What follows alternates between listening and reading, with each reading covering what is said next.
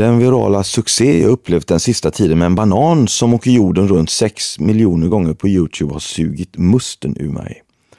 Har insett hur stort internet är.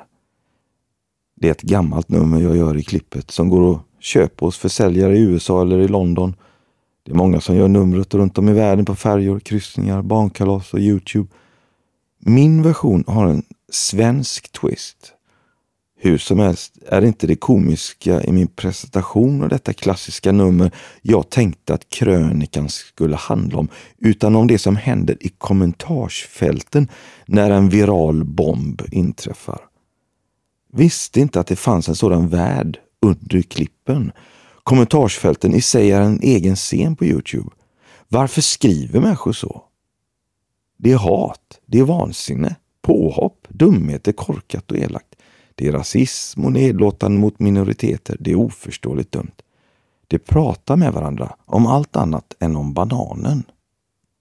Försöker hänga med.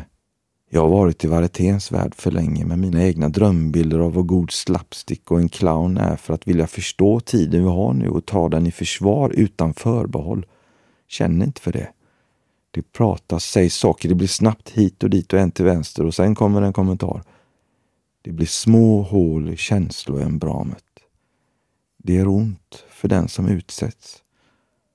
Alla är vi utsatta för attityder mot varandra som vore möjligheten att säga något i skrift under ett klipp på internet en slags sopstation för meningar utan omdöme, eftertanke, analys eller förstånd.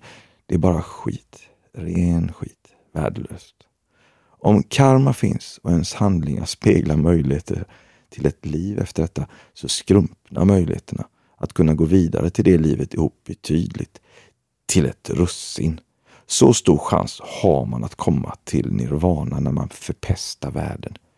Fick jag sagt det. Älskar givetvis internet och den nya tiden vi har med allt. Fantastiskt vad som hänt de senaste 20 åren att vara med före och sen i det. Men skriv något bra tycker jag. Var lite positiv i en värld som behöver det. Internet är ju ett fantastiskt sammanhang. Vi behöver bara lite eftertanke. Var inte elak där. Det är inte bra för världen. Var inte det. Vi människor är ömtåliga. Ett självförtroende är genomskinligt. Vi måste vara varsamma och försiktiga med varandra. Eller hur? Tänk en gång extra innan du säger det där stickiga, taskiga. Det är dagens tips. Naivt och gulligt i en svår tid behövs.